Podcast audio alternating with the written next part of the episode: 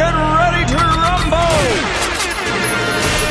Wait a minute, this is huge. He's 7.17. He's taken the lead, a world record for McClungu. The man out of Pretoria.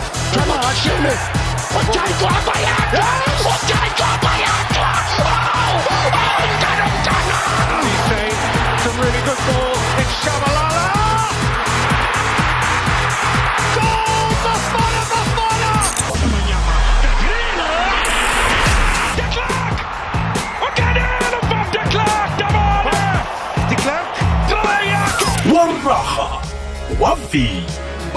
William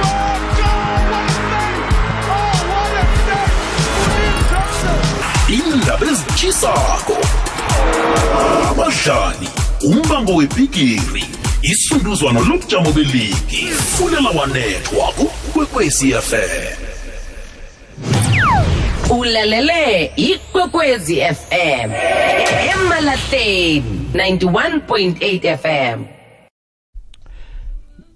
Angikwamukele mlaleli kizo zonke indawo lapha ulalele ukhona hlelo lakho lezemidlalo ihlelo fulela wanethwa emhathweni kwekwezi FM namhlanje kungomvulo eh njengemhleni ke ngiyokukhamba nawe kuyokubetha ihour lesithandathu sicheja ukuthi izinto zisikhambele njani eh ngehlangothini lezemidlalo iphela veke sibuya kiyo le. Eh ukhumbuleke ukuthi namhlanje ngehour lesithandathu eh siyadlala isichema sekhaya se under 23 ngikhuluma la ngabadlali ababandulwa nguDavid Notwane badlala ngokulingana eh nenarha yeKhongo ngolosine ngo11 njemidlalo ekumele bawuthumbe na kanjani njengoba ngikhuluma nawe nje eh bakhona lapha eKhongo lapha badlala khona umlenze wesibili. Kanti ke kusasa godu eh iyadlala ke ibafana bafana nayo ilapha eLiberia. Emidlalweni nayo ekumele iwuthumbe nangeza qualifyela lapha ke eh i Afcon. Kanti ke sicala khulukhulu ke eh, imidlalo leyo ke kanti ke sikhumbule ukuthi nama Proteas adlale njani eh izolo. Eh sizokuchecha lezo ke sikhulume ngazo ke uzangitshela ke ukuthi wona wasibona njani isicema sanaga eh ibafana bafana eh, ngolosihlanu utsho ke nokuthi mhlawumbe kuya phambili eh, ubona ngathi kuzakwenzekani eh njengoba kusasa sidlala. Nakumele sithumbe sidlale kuhle kuyokumele kwenziwe njani? Khani kumele kube namachugululo nangabe kumele abe khona amachuguluko lawo eh machuguluko kanjani? Eh sizoyitemba ke indaba yebafana bafana. Eh lokhanyana sakulalamela novelilo kwamnyandu ke sithi fahla fahla naye sibone ukuthi izinto zikhamba njani. Kunenge kwenzekileke emidlalo ndo eh ngemva thenje nayiceda ukulinganisa iLiberia eh uHugo Bruce wakhamba ebankeni walichiya ibanka wakhamba eh ngemva komdlalo kwabanga uHelman Mkhelelo jama lapha etatawini ophendulako. Eh uyazi ke nakusuka lapha kuba ne press conference eh khona lapha e stadium nje ngemva nembiki indaba ke zonke ke sizokubuza imibuzo. Ukhetha lapha kumbanduli uHugo Bruce akhe ngalibeke lapho imbiki indaba zathi asimfuna uHelman sifuna uHugo Bruce azoziphendulela. Wavela wathi nakavela kokancazana wathi angikhona ukukhuluma nani mina nginyenye khulu. Eh kwaya kwaya wabuya godu kwathiwa uyancancabeza ngalokho kwenzeka kunengi nje okwenzekile konke lokho ungachithi uzokuthola la ehlelweni fulela wanethwa emhathweni igwegwezi FM mlaleli ikwekwezi fm yenza konke okusemandleni ukukwakha nesitshaba sonke ngokukulethela amahlelo afundisako. Konke lokhu kungababulula ngombono nomfakela ovela kuwe ukuthi ikwekwezi fm ingakusebenzela njani ngcono njengomlaleli wayo. Sitholela ngeposomoya ethi info at ikwekwecfm co za namkha enkundleni zethu zokuthintana zomrhatsho ikwekwecfm kukhanya ba sesidane kangaka ke ngolosihlanu ngemva komdlalo webafana bafana. Nokho izolo sibone ama records lapha eSuper Sport Park eCenturion sichema sama Proteas sigijimisa eh, iscore ekungesikhulu khulu itarget eh ku T20 International Cricket. Eh bekumele benze 259 emgijimo ukuthi bathumbe ngama overs ayi20 kodwana ke bakwenzile lokho bakwenzile lokho eh basala nga 6 wickets bathumba nga umdlalo eh bafika lapha ku 259 for 4 kusasele nembolo ezilikhomba. Yeah basebenzile eh iseries le inemidlalo emithathu eh balinganisile njengo 1-1 ungaphundwa ngolosibili lapha iWanderers lapha kuyokudlalwa ke umdlalo ukudecide ukuthi ngibani othumba iseries. Eh nangicala lapha ngithena ngicala eh i run rate ukuthi ke bafuna kumele bakore 12.90 per over ukuthi bakwazi ukuchugulula iscore esibekwe iWest Indies. Yangena iSouth Africa yawenza umsebenzi. Eh Quentin de Kock Riza Hendrik kube ngibo nje abathi zisuka zibekwa basenzela enye into iKariso Mraro. 152 for the first wicket. Eh ngama overs 10.2 overs benza 150 wabonta kuyabetshwa lapha kudlalwa. Eh 2.4 overs besina 50 100 ize lapha nga 5.3 overs. Power play yona ngisakhuluma isi 102 overs zange kuphume nomdlalo noyedwa.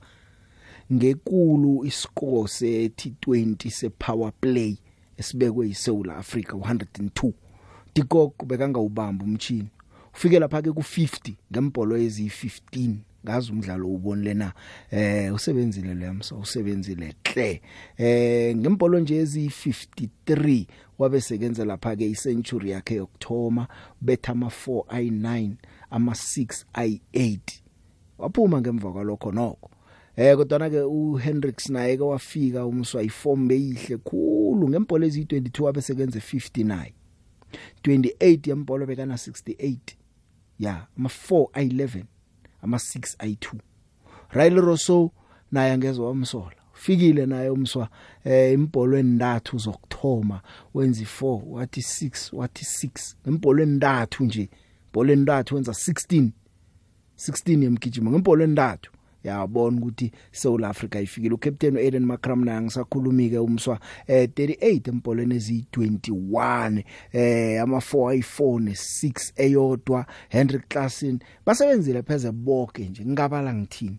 Sicema South Africa izolo sisebenzile eh nangu umswala eh uRiza Hendricks ngemva kokwenza i68 yakhe eh asimuzwe ukuthi uthini ngokuthumba kwabo umdlalo lo Yeah, I don't think everything has sunk in yet. Um, to be part of it, uh, to be part of that partnership and that power play, um, yeah, uh, we'll obviously reflect and see what we did.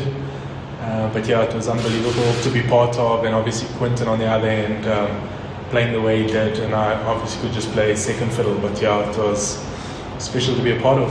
Yeah, funny enough, uh, when we walked off the field, uh, KJ actually said uh, they 10 runs short. Um, so yeah, it probably relates to Jacques Callis's uh, comment there as well. Um, so yeah, look, um, we managed to, to manage to get over the line and play this incredible game, and obviously, obviously today, um, I suggested that's equivalent to the 438 game, so to be part of it is Yeah. ngolosibili ke asibe neappointment ngolosibili siyokubona isichema sekhaya eh, ukuthi sidlala kanjani ngolosibili ngoba idecide ke leyo kumele sibone ukuthi indo zikhamba kanjani kodwa na ke badlale khlehle izolo. Ngemva kokuthi ngolosihlanu ke balobile ngebanga lezulu eh, kwahunyezwa ama overs aba 11 salobele eduze. Kodwa na ngolosibili ngo6 asibe neappointment ke kuyadlalwa lapha eWanderers ngo6 eSouth Africa eh, neWest Indies babeswa abasebenza kuhlehle kanti kokunye bakhona phakathi kuphela nge phela veke nje eh mnyanya wabo nongorwana ngikhuluma la eh ngama SA Sports Award. uThemba Zwane uthumbile lapha ke ku People's Choice kuthi abantu bamvotele hle eh bampha unongorwana okhama nemali e500000 eh namhlasa ke kuyadlalwa ku Group K eh Monrovia. Eh uThemba Zwane nayo leyo ke uyayiphatha phatha ukuthi balunge balungele kangangani umdlalo loyo. Kodwa ngaloko lokho besathokoza ke ukuthi umuthumbile lapha imali engange 500000 nonongorwana we People's Choice It means a lot to me, and uh, it shows that people uh, they care, they show love for me, and uh, I really appreciate their love. And uh, I will uh, continue doing my good job and try to entertain them as always. Yeah, I think as a team we're positive. Uh, we're going for the win. Uh, we know that we can uh, push ourselves and play our good football and try to take our chances. And uh, yeah, we're ready for the game. sakubona kusasa ingombhala enyaweni ukuthi ba ready kangangani ngicale la eh abonongorwana nje ukuthi bachinge kubobani sibaboke. Sports star of the year kube nguandile Dlamini people's choice kwaba ngithemba Zwane sports administrator of year of the year kwaba nguPoshia Dimo sportsman of the year nguPeter Kutse eh sportsman of the year with disability nguNathan Ntuthu sportswoman of the year nguLara van Niekerk sportswoman of the year with disability kube nguMinki Janse van Rensburg eh team of the year rugby sevens yamadoda. Ya coach of the year nguRocco Miereng we swimming eh ngeminye nje imkhakha ekhambe iba khona abantu bazithumbela bazithumbela ngaleyo ndlela. Kodwa na ke eh abonongorwane kungabakulu besibalindile ngilo we sports star of the year ne people's choice lapha sibone khona ukuthi eh kuthumbe badlali beSundowns bobabili nje MC andile Dlamini ungale ngevandazaneni uThemba Zwane eh ungaphange emadodeni. Eh kungendlela ke basebenze ngakhona eh ama South Africa ngikhuluma ngawo lemnyanyeni yawo. Kanti ke uDavid Notwane naye ke uthi unathemba lokuthi isichema sakhe ke eh, sizokuthumba namhlanje njengoba badlala neCongo lapha ekukhambeni. Eh badlala ngokulingana eDobsonville emlenzweni okthoma ngolosine. Eh uLove Bisila wabetha igondelo. uMabiala Love Bisila Mabiala nguyabetha igondelo leCongo kwathi lapha koThapelo Maseko wabetha igondelo leSouth Africa asazi abakuthumba namhlanje emidlalweni wanamhlanje eh bayakhamba baya lapha ke kuAfrica Cup of Nations ekubanjelwa lapha eMorocco ngoJuni. Eh bese lapho ke kuAfcon okuthatha iTop 3 bayakhamba bokujamela eAfrica kuma Olympics David Notwana uthi uyazi ukuthi umsebenzi ubudisi kangangani? Aqalene nawo kodwa na uthi isichema sakhe siwulungele umdlalo lo eh nguDavid Notwana Smusu I think the boys are up to the fight. Uh, we've done a lot of video analysis uh, in terms of areas of improvement, their strengths vis-a-vis uh, our weaknesses. But I think, uh, and clearly from the analysis, you can see that we had a lot of good moments, positive moments, but our decision making let us down in the final third. Uh, we were worthy of a goal or two, if not three, even to be honest. And uh, of course, then from the defensive blunders that we made on two occasions, they could have easily scored. They scored on one. Uh, we have to take the game to them. I think it's a team that uh, we are able to come through uh, our build up play. Uh, it's a matter of polishing our final uh, third box entries and convert the chances that we create with better decision making, I think. asithembeke ukuthi abeswa bakhe uDavid Notwane bazakwenza umsebenzi ngendlela ongakhona. Ngisuke ke lapho ngibuyele ngolosihlanu. Eh ibafana bafana ekhethweko abantu ebekuthajiwe ngayo kuthiwa ukhetha abadlali abasefomini nabadlali engibabaza senzela umsebenzi kodwa nababhalelwe kuwenza umsebenzi. Babhalelwe thuthu ekhaya awa babhalelwe. neLiberia na uchecha nama rankings ukuthi isikuphi bona bakuphi khona ukubona nje ukuthi siphalele 2 not first half. Lapha bekumele ngathi namhlanje amagondelo kubetshwe emahlanu mathathu mane esiqununi sokthoma angazi umbani olungamsola naye una ifeshe yakhe yeblame ngaphana abadlali nabo. Abantu nabazokumagana namde bakoro omnye defender umunye uyalithatha ibhola uyaliragela le.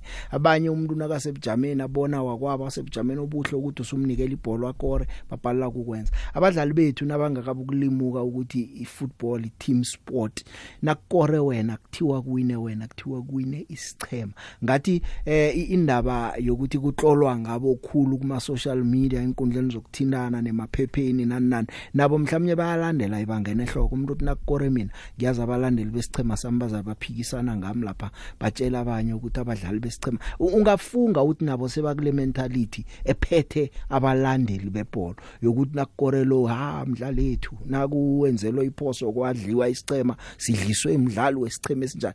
Ngendlela bebadlala ngakhona bekungana sichema lapha nomnye besasenzela into afuna uyenza adlala ngendlela afuna ukudlala ngakhona. Awumsoli uko Bruce ngokunyenya ngalendlela bekanyenye ngakhona. Nokhona ngimazi ke nokho ukuthi bekanyenyiswe ini khani bekanyenyiswe into nathi esiyibonileko nasibukele umdlalo namtjana njani asazi. Hugo Bruce eh naqeda ukuequalizer iLiberia vele usukile ebankeni wakhamba veg nakuphela umdlalo Helman Mkhelele nguye lapha ebeka ukucala lapha ke i post match. Eh kune post match eh interview ebakhona ke kosebe ukuhlala phansi ihlalwe lapho. Nalapho zangezwa thumela uHelman Mkhelele. Kodwa naleyo ke khange ikhambe kuhle. Imbiki indaba zekhaya ayizichinge kangaka. Bengingazi ukuthi abantu aba eh babhodla kangaka nabafunako. Babhodla imbiki indaba zekhaya. Zathi asifuna uHelman Mkhelele sifuna uHugo Bruce ngenyama. Na ungakezwe ungakaboni. Lalela.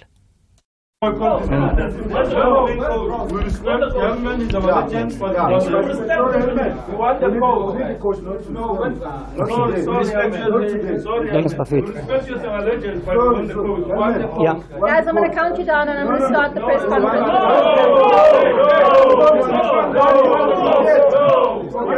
It's Coach Howman or no coach. No, Coach Ross is not coming. Coach Ross is not coming.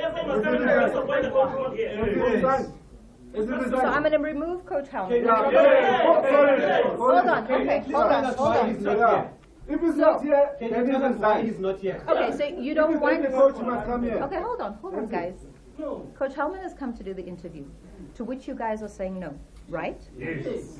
So I'm going to let Coach Hellman go back to the dressing room, okay? And if you have no one here, are you satisfied with that? Yes, want to get rules. If it's not there, then we'll get- What would the rule say? The rule says you have to have an interview. You have to have a press the conference. The head coach is not coming. The assistant coach is here. No, no, no. The head coach was not saying. The head coach was not saying. he should come here. Can you tell us why The head coach has sent the assistant coach. Is there a valid reason? Coach Hellman can answer that if it is that we get the, the conference started. No? All right, then we're leaving. Coach, let's go.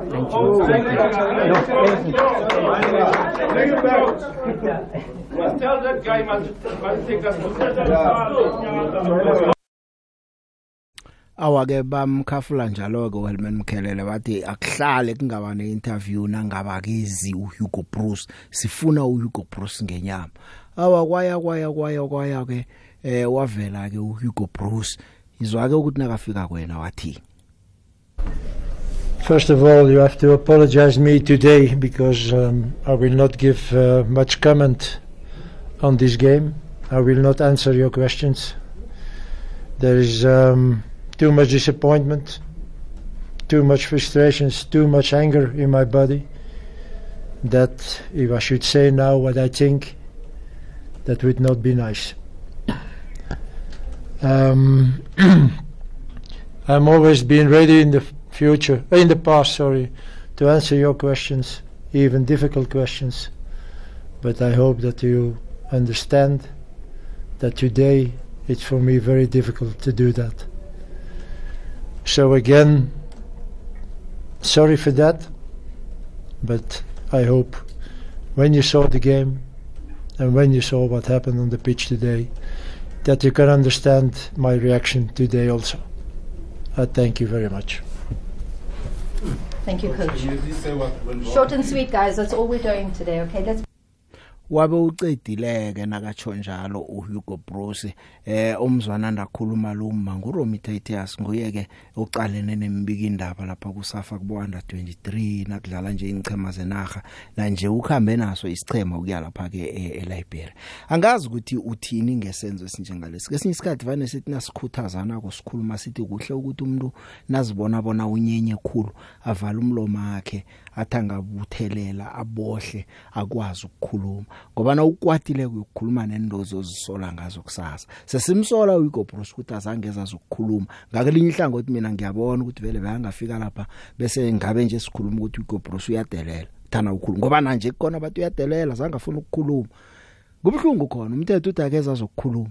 Kodwa ngemva ukuthi abadlali benze into ayenzileko abayenzileko leya naye uIgo Bruce nokangithi ukuthi umsulu angisho ukuthi umzulu. Naye unezakhe ihlangothi la ubona ukuthi la ngathana uthe la ngathana uthe. Awazi ukuthi kwenzekani. Manje ke uyazibuza ukuthi bekhaya abanabo nabathi asimfuni uHelman Mkhelele ukukhuluma naye sifuna uHugo Bruce. Bathi ukuthini? Ngoba nasilobuleka isichemo uHelman Mkhelele naye part of i-technical team. Yonke question igrilling ebebazoyenza bayiphose kuHugo Bruce. Naye kumele bamphose. Naye ukhona lapha esicemeni nakuthunjwe kokukhuluma yena kumnandi. Nakulobuleko kodwa nifuna yena nifuna umuntu wabantu wakwa Bruce Loya ukuthi kube nguye nizomkhwela ngembuzo. Helmut Mkhele naye kumele bamkhwele ngembuzo lebi bafuna ukukhwela ngayo eh uHugo Bruce. Hugo Bruce bambone godu ukuthi ke mhlana ezako ke naye bamlungisele yakhe. Helmut Mkhele naye is part of the technical team. Hugo Bruce lobile wathi ngikhetha ukungabi khona ningithukele ukuthi angikakhulumi kunothi ningithukule ukuthi ngithe bese kusasa kukose ukuthi ngincancabeze godu nangumbanduli wesicema seLiberia yena ukhuluma ukuthi izani ke Liberia anizolibona lidlalako ukhuluma ukuthi kokthoma iLiberia yaya kuAfcon utsho njalo ukuthi bebazele idraw eSouth Africa bayitholile First of all, my celebration has so many meanings. One, this is my first international game as a head coach of Liberia uh, in my career. And my first game in my career to play against a good team in South Africa. And our plan was to get a draw in South Africa because we know it could be tough to win them at home. uh, we wanted a draw. And also, I'm a Muslim. Uh, I was fasting today. It's Ramadan. And I asked God to permit me get a draw here. And when I get a draw, I celebrated and asked God, thank you. And also, I believe in my players, and I also celebrated my players too, because I wanted them to, to do the job that they did. And I was also happy back home because there was a lot of critic, you know, and now I think the critic is back us, and we are moving forward. And this will be our first, my first qualification qualifier yeah. to go to Africos. And for sure, we'll go to Africos. ukuba semkhanyweni ukuba nelwazi ikwekwezi fm kukhanya bijo husenzo yetsekani uyanibulisa studio nomvezi. Ucoach Hugo Bruce wenze kahle ukuthi enga akwazi ukuthi azehlise kuqala before azokhuluma. Angizwisisi ukuthi why kuzomele nama-journalist amhahameze the way bekamhahameza ngakhona ucoach because ucoach wenze ngokusemandleni ukuselecta i-team e-right ukuthi ingakhona ukuyowina against ilento liberia but uzothini uma iplayer likwi-one on one situation no-goalkeeper lihluleka ukukora igoli i-open net and then some blame asithini ucoach um akunacoach ongachazwa into enjengaleyo. So nje asingadlali ngohugo bruce ibafana bafana ibonisa babonisa khona ukuthi mentally abakhulile abadlali bakhona abakhulile so as for uthemba zwane no-andile dlamini ngithi congratulations. Kuyacaca ukuthi i-environment ababuya kuyo environment yabantu abawinayo kuphela. Joe kunjani lapha emhathweni kwekwezi FM Joe ebafana bafana sasikhala la uBruce azikhethela amaplayer wakhe waku wakwamanye amathimu. Sakhala sathi hey na amaplayer weSundowns are on form amaplayer 11 are on form washiyelani? Eh wafakile manje. Ayikho nje lento edlalwayo nje. Njengoba usho ukuthi ngathi umuntu usidlalela yena ukuthi mina ngibuye esichemeni esithile. Hayi bafana bafana iyabhala hayi amen. Ya ngeminye imbono yomlaleli ngebafana bafana eh ngiseza imbonweni nenu ngiyayifuna ngisafuna unizwa ukuthi nani sibone njani isichema senu kodwa na ngiyakuvelile kwaMnyandu ke ngimbondo mbondo naye. Velile yeche ngiyakwamukela emhathweni ah ngibingelela picture ngibingelela nabalaleli siyathokoza ukuthi esikhathini sakho nathi usebele eh, uzokucoca nathi. Angizokumosha isikhathi velile isikhathi into engekho la. Ibafana bafana ngolosihlanu idlalile eh, uyibone njani njengombiki indaba? Kukhambe njani lapha emidlalweni ya no ngiyabonga picture namanje nje ngithola iphuma la egroundini eh ngoba iCameroon bijima la yazi ukuthi badlala la eDebsonville kusasa. Eh badlala nayo ke i eh in Namibia eh but ngicabanga ukuthi ibafana bafana eh isole nje inhlanhla eh ngolesihlanu ukuthi eh ingaphumeleli umdlalo wayo eh andiphumelele kahle futhi. Eh but at the same time eh sifuna ukubheka ama chances abawo methile but at the same time ngiyafuna ukuthi nabo abadlali eh uma uthola so uhamba phambili ngo2 nil um and and into ekuyinkinga kakhulu ke la eningizimu Afrika uma ubheka amaqembu wethu. Um athanda ukuthi uma leader uh bangayikill off igame. You know last night ngibukele igame ye um ye Portugal. Portugal they were leading 4-0 before half time you know? And and these are the type of um the results that we, we or the conviction that we need especially in the final third. Uh bekune chance kahlongwane lapha just just after u uNile Foster eqeda ukora on the 22nd minute think on the 25th minute uh, there was a chance enhle futhi kahlongwane one on one with the keeper he missed.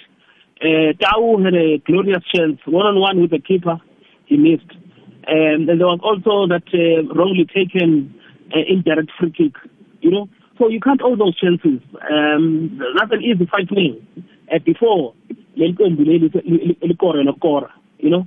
Um in in Liberia 150th uh, ranked. So I think it's just a combination uh, of things. And then again the team is leading 2 nil. Yes you can say whatever you want to say about the missed chances but, but still the coach in terms of his subs on the day I I don't think uh, he did justice on his subs in terms of managing a game kwakhona futhi. So it was a combination of factors uh, in the Maya Friday. But I, I I just don't think that um i, i, Liberia was very strong enough to to play i, i draw that. Ya badlalileke nathi draw sonke besicabanga njalo. Eh usutsho nje nami ngisatsho ngithi abadlali abanye bayamagana umunye uthi yokukora umunye umthathela ibhola naye ufuna ukukora yena uyibethele ecadi icombination yento eziningi. Umlaleli naye uza kuveza wakhe umbono. And then nakuphela umdlalo Helman Mkhelele uyeza uzoni addressa eh ayinilwe kangaka ayivelile ngifuna ukwazi nje ukuthi kukhambekeni yini ebeyinilwela kangaka ningafuna ukukhuluma no Helman Mkhelele nifuna uHugo Bruce?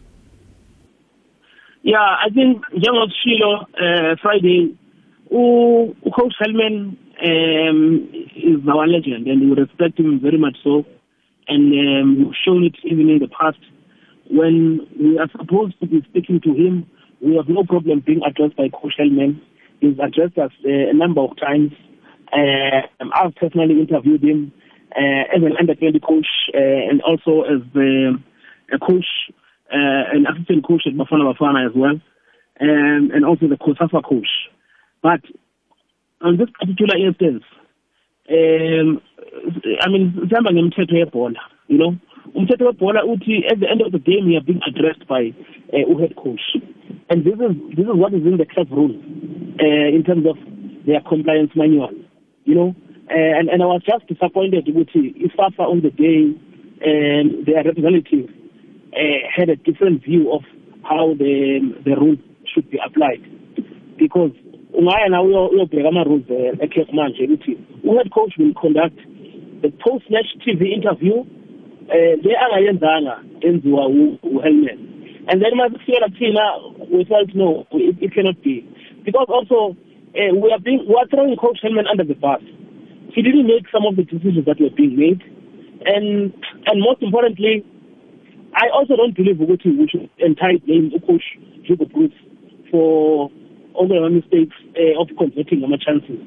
All we needed was just a response the coach uh, in terms of what he's seen because he could hold a different view um, about um, about those those chances, and, and maybe he, he can have something that can explain better to the nation. And and and so I just I just want from a principal point of view, uh, the only time uh, after umdlalo you can be addressed by uh, an assistant coach or someone else other than the head coach is when u head coach athole a red card. Ukukhumbula ngathola red card on Friday. Ya no ngiyakuzwa bengifuna nje ukuthola iphuzu lokuthi yini ebeniyilwela kangaka eh wagcinezile ke wathi nakhona akazokhona ukukhuluma ukwate ekhulu Yeah well look it's, it's unfortunate eh ukuthi usho kanjalo ukuthi um akazokhuluma beyond that but i think uh, once ucoach wafika uh, azokhuluma nathi even if uthi akazokhuluma there's nothing we can do um okay now it's now history that ukuthi an apology or apologize for this. Yeah. And uh, i think big joe ucoach Hugo Bruce you know him well enough. Eh ukuthi mhlambe if bekhulumile aphendule imibuzo friday ake kuzosha maybe bengazibana ine team kusasa. Ngitshe nami ngiqeda ukutshela umlaleli ngithi yabona le nkulumo ukuthi na ukwadile ko ungakhulumi thula ubohle uthethe leyo nkulumo wathi ngikwade ekhulu kuba ukhulumile ngabe nje sikhulume enye indaba? Yes yes ngabe sikhulume indaba kakhulu eh when it when when it comes to that so uh, and also i think one thing i must also say to you eh uh, ukuthi thina by forcing ukuthi ucoach afike thina friday simfavile ucoach nesapha from being charged uh, or being double charged by CAF. Mm. Uh, even though I still feel that they're going to be charged for and then bafaywe for ukuthi eh engayenzanga their post match TV interview because their interview was not just for SABC only Mm. it was going global because lo mdlalo wabafana was going global so it means ukuthi eh leya post match TV interview engayenzanga it, it didn't go to uh, what they uh, so those TV stations that had broadcasted the game and expected the TV interview uh, on the pitch. But having said that, um, I think that I think that Tina, um, by forcing them to come, well, so we'll say Safa anyway. ngikuzwile velile ngibambela njalo ngiyokuthengisa. Nangibuya konginembuzo nje emibili sinawo bese siyayiqeda ngivulela umlaleli. Ngithokozile bamba njalo ungabeka phasi rawubona kumnyama khulu kuzokuvela umkhanyo. Ikwekwezi.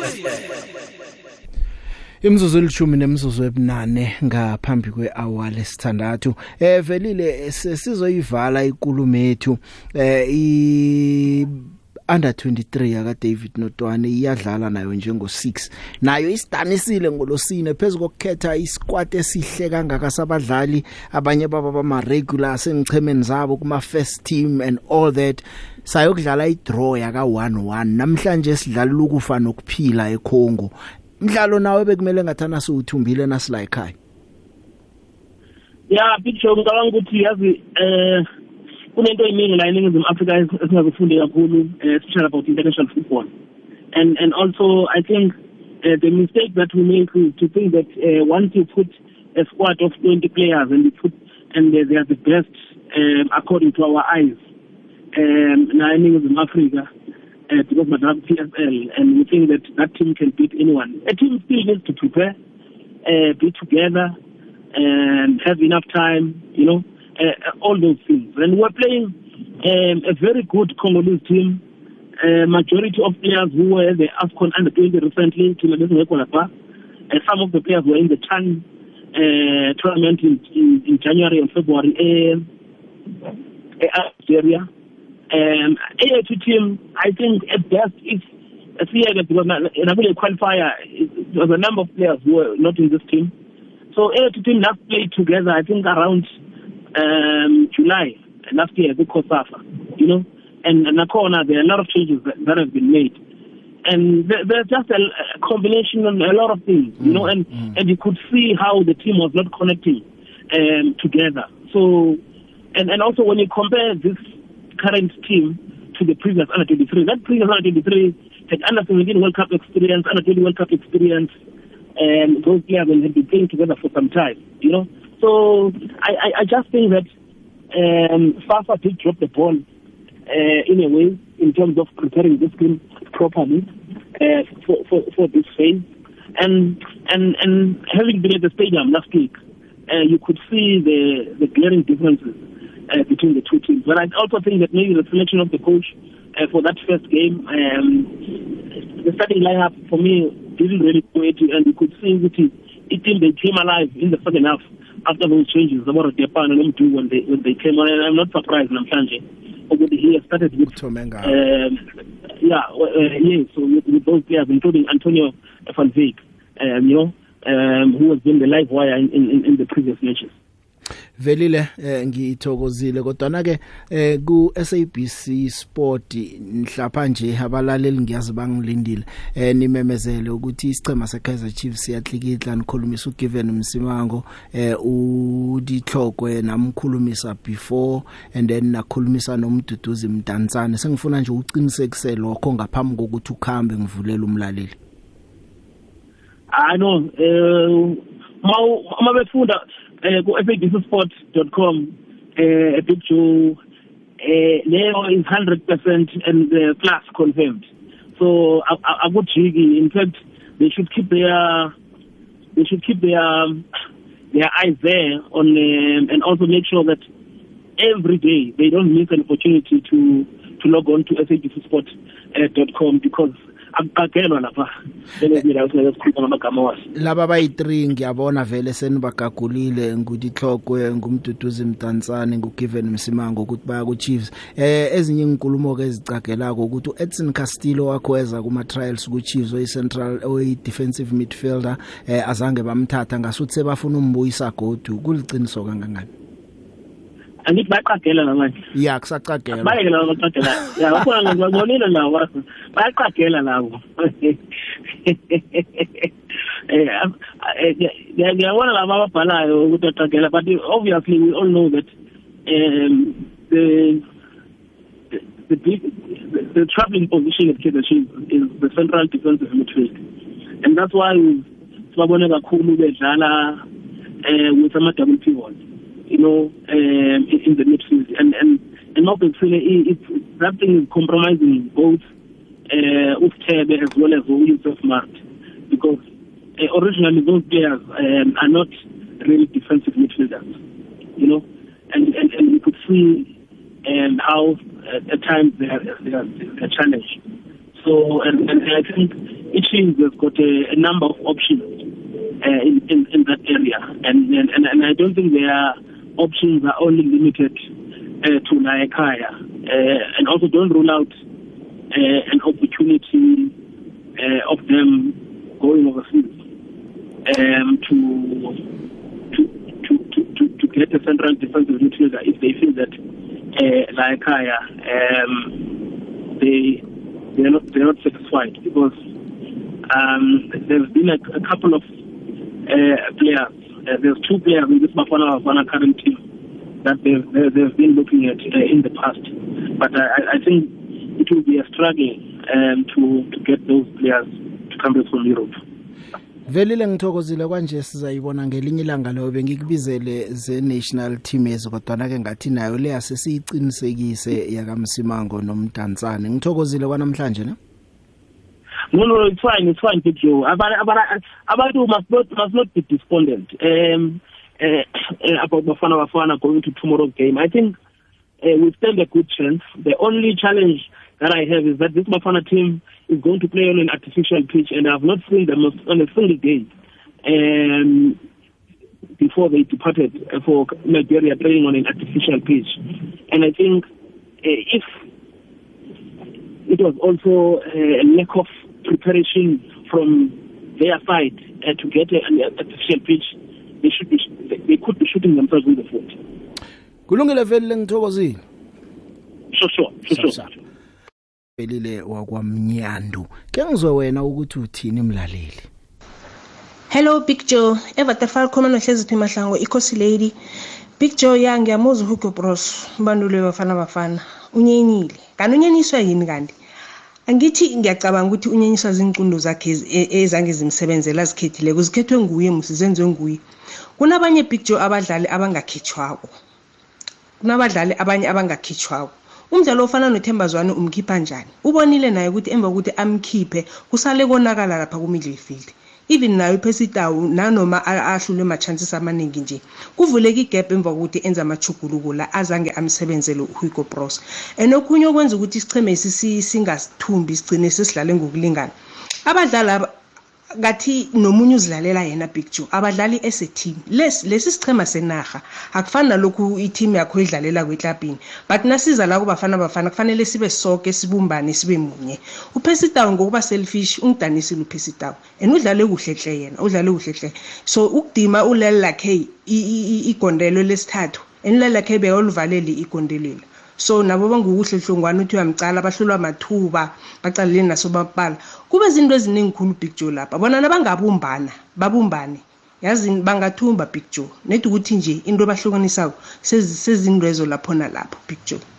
Nakuma-proteas bengiwahlalele big joe. I-appointment kusasa vele ngizabe ngikhona. Yazi bekumnandi khulu bekumnandi khulu big joe. Shop. Ekunjani picture nomvezi isitulo Eh Big Joe bengijabulile ukuthi eh umbanduli ya resign emva kokudroka neliwe ya Big Joe. But lokho kungidanisile ukumbona nga resign. Big Joe ngiyakhala ngama techniques wa Hugo Bruce Big Joe. Phinde ngikhale ngesafa yonke Big Joe. Big Joe ngathi lapha kusafa ngaphuma uJordan Big Joe. Bese kubafana bafana kuphuma uGo Bruce. Kuza abantu abadlalile ibhola lase South Africa njengabo Benny McCarthy, abo Pitso Mosemane aba aba understandayo iculture yebhola lethu Big Joe. Even now Hello Big Joe, hello Big Joe. Eh ngunrozake Sihlakwana 1047. Eh Big Joe, yabona eh uKuko Bruce anganyenyi Big Joe, anganyenyi. Akavume ingoma le nguye Jomloka kayigidele. Big Joe bakhulumile abalandeli iveke kadungileko bakhuluma baphikisana ngabaplayer we-sundowns ini kwenzakala mara mina into engiyibonileko big joke ukuthi wona amaplayer sundowns lekade bawabiza ngobuningi abathi basho ba adlala kuhle ngiwasilisileko dani i-free kick le isuka ngakuphi ayisuki ngehlangothini lesincele ngale. Isuka ngakhona pictures liso abadlali be-sundowns and kibo lapho abomvala lapha ngibo nabo lapho. Locha locha locha locha big joe lona ubongani ukayi wakamalinga edahakran hayi big joe ngiyakhala kakhulu big joe ngabadlali bethu big joe. Besingakhala sikhale sithi coach yenzeni? Yes nayo icoach ibile nephathi nayo edlalile ekungaphumeleleni kweteam yethu. But lama-players ewaselekthile icoach nale ndlela ischeme esisethe ngayo. Boyibona ukuthi icoach i-offensive. I-formation yabafana bafana always vele sihlale sistrike ngama-strikers awu-two phambili. Kulokhu icoach ithumela abafana abayi-two phambili. Ukuthi bayenzele umsebenzi. And then azange bawenze. First half at least ngabe sichange silida nga-four picture noma-ke at least three. And then-ke icoach mina la ngiblema khona picture ukuthi ihlulekile ukumanage igame picture especially kwi-second half la iqale khona ukwenza ama-changes. Okay bona bebafuneka banikezwe ama-chance abafana abadlali abafana nabosalengi nabomayilula kodwa ukukhipha umdlali ofana nothemba zwane while picture uma kuphuma uthemba zwane i think besisalida ngo-two one. Wakhipha uthemba zwane yes abafana abafakile ba-right but bekufuna ngabe uqhubekile ngothemba zwane angenza ama-changes amaningi picture hayi hayi the big. Ya the big yabona le yenzeke lapha kubafana abafana ibuhlungu ibuhlungu. Ucoach mina ngimsoli ngokuthi asuke ebhankeni akuhambe ngendlela okwenzeke ngakhona azi ubethane ngazo zonke iy'nkhali zakhe aziphethe zonke azitshela ukuthi la ngiyabethana. And then badlale kuhle bayekele ama-opportunity avulekile emele bawakolwe. Emele phela sithe njengamagoli amaningi kahle kahle. Futhi sibuye phezu kwabo kufanele siwabethile even 6 yamagoli 7 mara egcineni sibuya sidala i-draw. Big joe I mean, I'm disappointed ngecoach yebafana bafana. Icoach yebafana bafana from ekuqaleni big joe. Inkulumo zakhe kudala bekunama-sign vele uyayinyaza i-south africa big joe. Akasithathi serious big joe. Lo kwenzeke ngelo kanje nge-weekend big joe awa big joe. Asiyiphambili ngale coach lo i-substitute yakhe umkhipha njani uthemba zwane big joe? Imidlelfet bayiphethe kuhle kangaka? Hawa big joe. Ngiyabonga udumsane la kwamhlanga i-section c. Uh, big joe mani lakhe sembla i-deep salute big joe. Congratulation to ama-proteas. Big joe angeke ngihlale na kakhulu bengingakhuluma ngecricket. But ngifuna ukungena kule bafana bafana no-hugo bruce big joe. Not that ngiyayicelebrate indaba le yenzekile.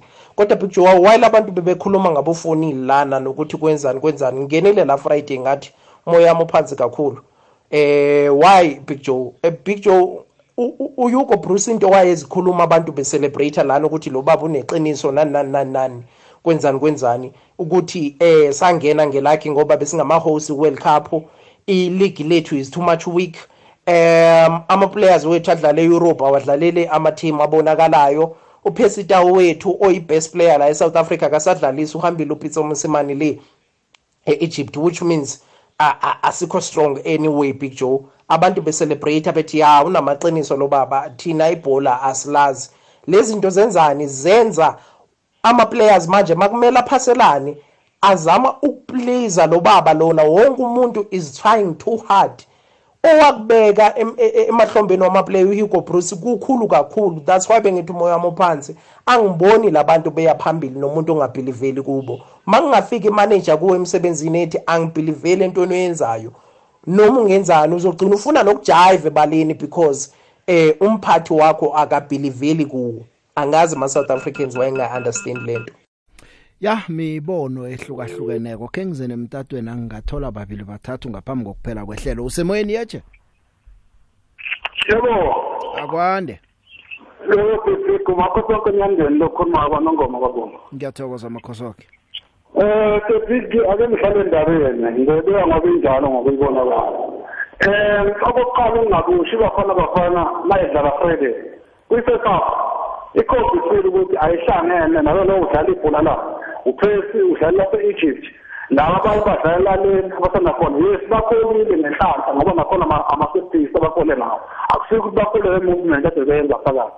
La noma ngisola khona umqeqeshi kwi-second half uyabona siyalida ngo-two nil and abadlali bakhe abadlali abana-communication phakathi khona bonke egroundini ukube yena wenza indlela yokuthi abulale igame ukuthi abantu bengabe seza phezu kwethu mina bengexpect ukuthi uma ibuya uzomkhipha uhlengwane angabuyi naye.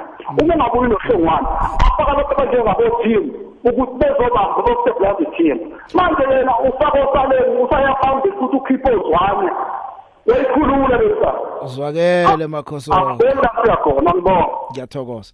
Usemoyeni? Big Joe. Akwande? Akwande yazi singabalandeli Joe asiyazi into esiyifunayo. Emuva lena umemezela isquad akekho nje umlandeli oke wasigxeka ukuthi ngabe kukhishwa bani kufakwa bani Big Joe imphumela seyiphumile sesikhala Big Joe isquad lesisihle mase abalandeli bebhola kumele sibekwazi into ezinjani zenzakala qala msi iManchester City leReal Madrid ithi kwenzakalani? Uyabona picture ngiyakuzwa so so asiyamukeleni picture isikhathi besingayisiso picture abafana abadlalile just ukuthi nje kuphela i-leadership emuva kayikho picture nawo ucaptain ukuthi asho phela ukuthi sesikhiya phela lo mdlalo. Sesiwinile umdlalo ama-chances abe khona singamhlaba uGobros kodwa picture asizoleni nathi sibe nobuntu. Sikwazi ukuthi umdlalo webhola izinto ezenzakanayo leziyana ngiyathokoza. Ngubani kuphi ukhambile usemoyeni yecha Hayi Picture njani? ngikhona kunjani ma Ah singumama uyazi ukhuluma no. ah ma 7 sorry sikhokho sami Ah shafu umuntu kabizi ayabona Picture sikhuluma iqiniso bafana bafana idlalile. Nethi mina umuntu engimblema kakhulu u ile out le edlalela ngalo upitso ngale. Eish. Upesi Tau. Yazi ngicede ihliziyo ihliziyo mciso yajama ngiyabonga Picture. sharp ma 7 Sure. Angithatha ukuphela usemoyeni yecha so stemula so nami kuyicoach bengakhala abadlali ngayo abafana abafana abadlali besundowns bakhethe ngobabona baseyifomini big joe bona badlale kahle so ngendlela benze ngayo bakhombisa ijezi abafana abafana abadlali abafana abafana bahloniphina kancane Big A- Joe. abadlali abadlale kuhle uthi bobani badlali besundowns? No angisho ukuthi badlali Oh. besundowns Big Joe ukhethe kahle okay ngabadlali bes- abadlali besundowns basefomini vele but nasi bagqoka ijezi lebafana abafana bonke abadlali noma uthathe ba- bapha abadlali bezinye iy'qhema uzofana bahloniphe ijezi abafana stemula kusho ukuthi ke kumele eh, sibalandeli sizwisise ukuthi umuntu ukuthi udlala kuhle esicemeni sakhe kubafana bafana is a different thing. ningaforce ukuthi umuntu nakadlala kuhle esicemeni sakhe mdayi kubafana bafana abanye ukuya kubafana bafana kuyababulala nje kuyababulala bhicu noma noma ngathatha umdlali ongekho efomini ambonayo ukuthi lo Stemula. akasebenza ubusukalwela ukuthi naka bafana bafana ufuna ukudlala akhuphule izinga lakhe. Mthokozile Stemula isikhathi siphelile. bafana bafana bhicu danke ahange bangalesikhathi asiyibeke lana kusasa sisabe sisakhuluma ngebafana bafana iyadlala kusasa. Njengo 6 under 23 nayo iyadlala. Ngithokozile sihlangane kusasa sinawo